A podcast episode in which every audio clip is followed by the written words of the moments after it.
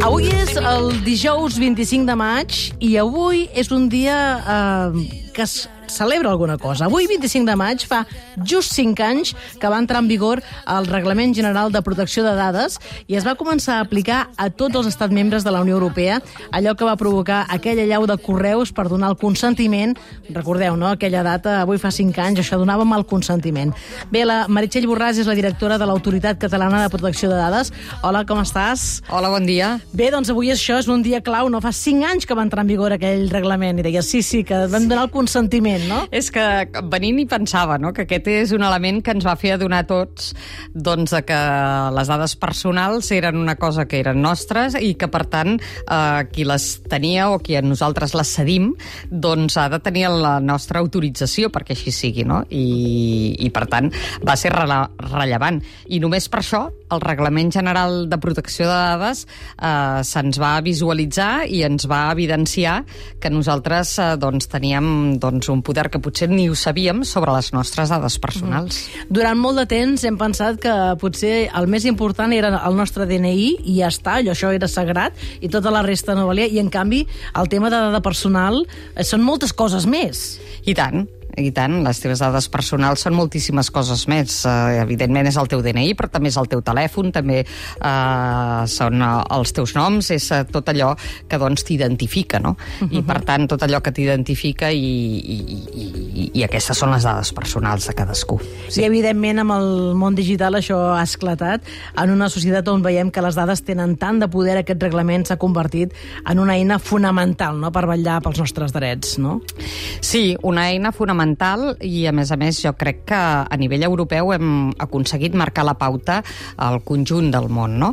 Perquè el Reglament General de Protecció de Dades doncs, ha donat unes pautes, eh, jo crec que força encertades, en el sentit d'empoderar la ciutadania d'una forma directa, eh, evidenciant els nostres drets, algun d'ells doncs, ampliant-los, d'altres doncs, eh, fent-ne de nous, com per exemple el dret a l'oblit, no? I, i per altra banda, eh, d'una forma indirecta, a través de les organitzacions, els quals doncs, eh, són, molt, són molt conscients a dia d'avui de que les dades són de la ciutadania, de tots i cadascun dels ciutadans, i que, per tant, eh, han de ser curosos i han de, i han de respectar el Reglament General de Protecció de Dades. I, per tant, eh, quan tracten dades, han de, eh, no hi ha una norma fixa de què és allò que poden fer i què és allò que no han de que no poden fer, sinó que en base al risc que genera un tractament específic de dades, valorar doncs, que, quins uh, nivells de protecció, com ho han d'abordar.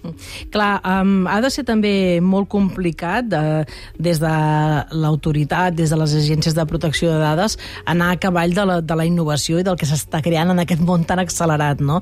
I, i, i hem dit sempre que, que la burocràcia va, i les lleis van molt per darrere. Um, crec que amb el tema de protecció de dades s'està anant com molt ràpid, està intentant eh, accelerar-se molt, però clar, ens van sortint coses que ens hem de posar al dia, no? Sense aquest marc normatiu, per exemple, les actuacions que s'estan duent a terme en relació amb les intel·ligències artificials generatives, amb el xat GPT, serien possibles? No, tindríem la situació de que allò que tindríem al front seria més opac i més invasiu, segur. Eh? I, per tant, en aquest sentit, el reglament ens estableix, doncs, eh, ens dona eh, el poder per poder eh, dir si es pot utilitzar o no les nostres dades i com. No? I, per tant, en aquest sentit, jo crec que tenim unes eines eh, que són molt positives. Hi ha la re... Actualment hi ha el Reglament General de Protecció de Dades, però hi ha el projecte de Reglament d'Intel·ligència Artificial, eh, que està aprovat el projecte, esperem que en breu doncs, eh, també pugui aprovar-se el reglament pròpiament, que està enfocat en una mateixa línia, en què, eh, doncs, en base al risc, s'haurà d'establir allò que es pot fer i allò que no, perquè hi ha línies vermelles. Mm. No sé si aquest reglament que dius europeu, que és uh, la llei d'IA, depèn també, crec que uh, ara amb la presidència, a partir de l'1 de juliol, presidirà la Unió Europea a Espanya i crec que volen aconseguir que en, en aquest període s'aprovi. No, sé, no sé si també inclou el reglament, això? Podria sí. incloure-ho, lògicament. Aquest és un element clau i que pot coincidir amb que sigui en la presidència de l'estat espanyol. Mm. Bé, li preguntarem aviat a la secretària d'Estat, a la Carme Artigas, que és una gran especialista en intel·ligència artificial, jo crec que s'ho han posat a...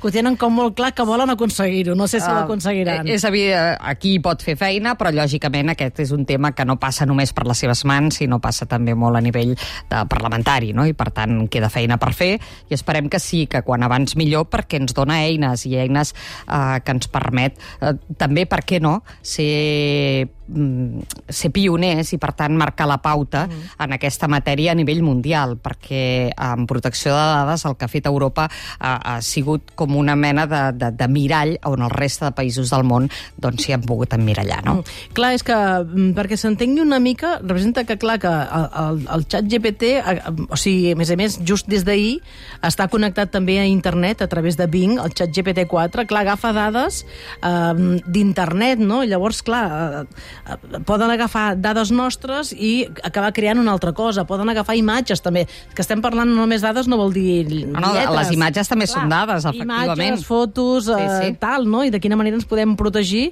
Clar, jo dic, si algú ara comença a gravar tota l'antena que jo he fet amb àudio durant molt de temps i crea un personatge que es diu no sé què amb la meva veu, sí. jo m'he de poder protegir d'alguna manera també d'això, no? I, i pots fer-ho perquè tens els elements per fer-ho. I et deia, uh, hi ha línies vermelles sobre allò que es pot fer, no?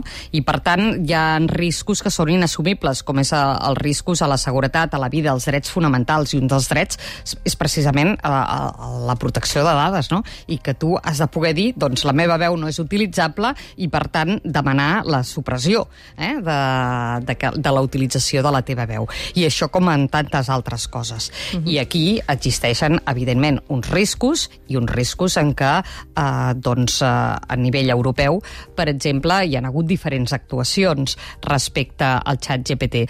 Nosaltres mateixos, com a Autoritat Catalana de Protecció de Dades, vàrem fer una recomanació a tot el que és l'àmbit del servei públic de no utilitzar el xat GPT en el cas de que es faci servei públic i s'utilitzin dades personals. Per què? Perquè no sabem l'abast en aquests moments de què és allò que tracta i de com ho tracta tracta. I, de fet, s'ha establert un grup a nivell europeu d'acord a les diferents autoritats estatals en matèria de protecció de dades que estan estudiant els, els, els permenors eh, d'aquest xat GPT i com aquest d'altres mm. intel·ligències artificials Clar, que ens puguem trobar. Ho deu com un exemple, però evidentment també hi ha brat de Google, o sigui, hi ha altres sí, sí, intel·ligències sí, artificials. Clar, uh, i que es poden fer servir, no sé, fins i tot per determinar un munt de coses no, a nivell de públic. No? Per això ho dius, per frenar una mica en aquest aspecte, no? Bé, a nosaltres ens va semblar, per un principi de prudència, que era, que era bo que, que doncs, féssim aquesta recomanació. Per què? Perquè, doncs, uh, insisteixo, no tenim el, el permenor de quin és és el tracte que es fa sobre les dades personals, de com les tracten, de si es fan, doncs, eh, per exemple, una de les coses que estan prohibides, no?, d'aquestes línies vermelles, és que en base a les dades eh, personals puguin fer, doncs, eh, arribar a la ciutadania i influir sobre els seus comportaments, no? O, o puguin fer viatges eh, en el qual, doncs, eh, es tractin d'una forma diferenciada a diferents grups poblacionals. I aquest és un tema que, lògicament, doncs uh, s'ha de vetllar i molt de prop. Clar, Itàlia va bloquejar l'ús del xat GPT per no respectar la llei de protecció de dades, um, però després es va fer una mica enrere, però clar, el Comitè Europeu de Protecció de Dades, um, després d'aquesta mm, prohibició, va engegar com un grup de treball que estem pendents una mica de les això. conclusions, no? encara no han presentat conclusions, no? Efectivament. Uh, va ser Itàlia el primer que va donar, va ser el març, el que el primer va fer el primer pas de fer aquesta prohibició. I va dir que la feia fins que no tingués més informació eh, i que des del conjunt d'Europa no hi hagués una línia determinada. Mm -hmm. La va aixecar quan es va establir aquest eh, task de forç que se n'ha dit, que és aquest grup de treball en què vol arribar amb unes conclusions i, i entremig doncs l'Autoritat Catalana de Protecció de Dades va fer una recomanació. El que deies, eh? no? I, I jo crec que tot plegat forma part d'aquest conjunt de, uh, de ser a sobre i de ser amatents en allò que ens ve de nou, perquè uh, aquest, com tu deies bé, és un exemple, però això va més i hem d'estar preparats uh -huh. per donar-hi resposta. Hi ha també les anomenades dades artificials, no? que poden uh -huh. ser una eina també de protecció de la privacitat, no? Sí, les dades artificials artificials és una de les eines, d'acord, que pot donar solució quan vols tu a analitzar, a treure conclusions, i per tant et permet, en certa manera, fugir de la dada personal d'identificar, però, o, però el conjunt d'aquestes dades eh, té un perfil similar al grup que tu vols analitzar. Però hi ha altres, altres eines a, a poder tractar, no? Per exemple, la creació d'espais europeus de dades on es, eh, bueno, on es tractaria la informació en entorn segur. Aquest és un àmbit en el qual s'està treballant, eh, el, tot el que envolta el que és el tractament de les dades personals és complex, no, o, uh, cada cas és cada cas, i s'ha d'analitzar individualment i, per tant, a partir d'aquí en algun cas pot ser una bona solució, doncs el que mencionaves, les dades sintètiques, sí. Doncs uh, molt bé, hem fet aquí un, un petit tas de... i estem això intentant frenar i organitzar-nos en, a, en aquest món que està canviant tant i que ens està ara esclatant tota aquesta intel·ligència artificial generativa. Gràcies, Meritxell Borràs, directora de l'Autoritat Catalana de Protecció de Dades. Moltes gràcies. Un plaer ser-hi, gràcies. No sé, felicitats per aquests cinc anys. Jo crec això que mateix, ho hem de celebrar notícia. tots, jo crec. Ho hem de celebrar, doncs per això volíem fer avui aquesta entrevista coincidint amb aquesta aprovació. Bé, tornem demà, que ja serà divendres. Ui, demà, boníssim. Demà és el dia de la passió, eh, ja ho sabeu, al pop-up de Catalunya Ràdio. Al grup de WhatsApp unirem gent que va mirar pisos, però no per comprar-los. O sigui, van anar a mirar pisos tot el dia i miren i diuen això m'agrada, no? I ja està, això és el que fan. Demà els tindrem aquí a l'estudi. Adéu-siau! Vera us ha ofert el pop-up de Catalunya Ràdio.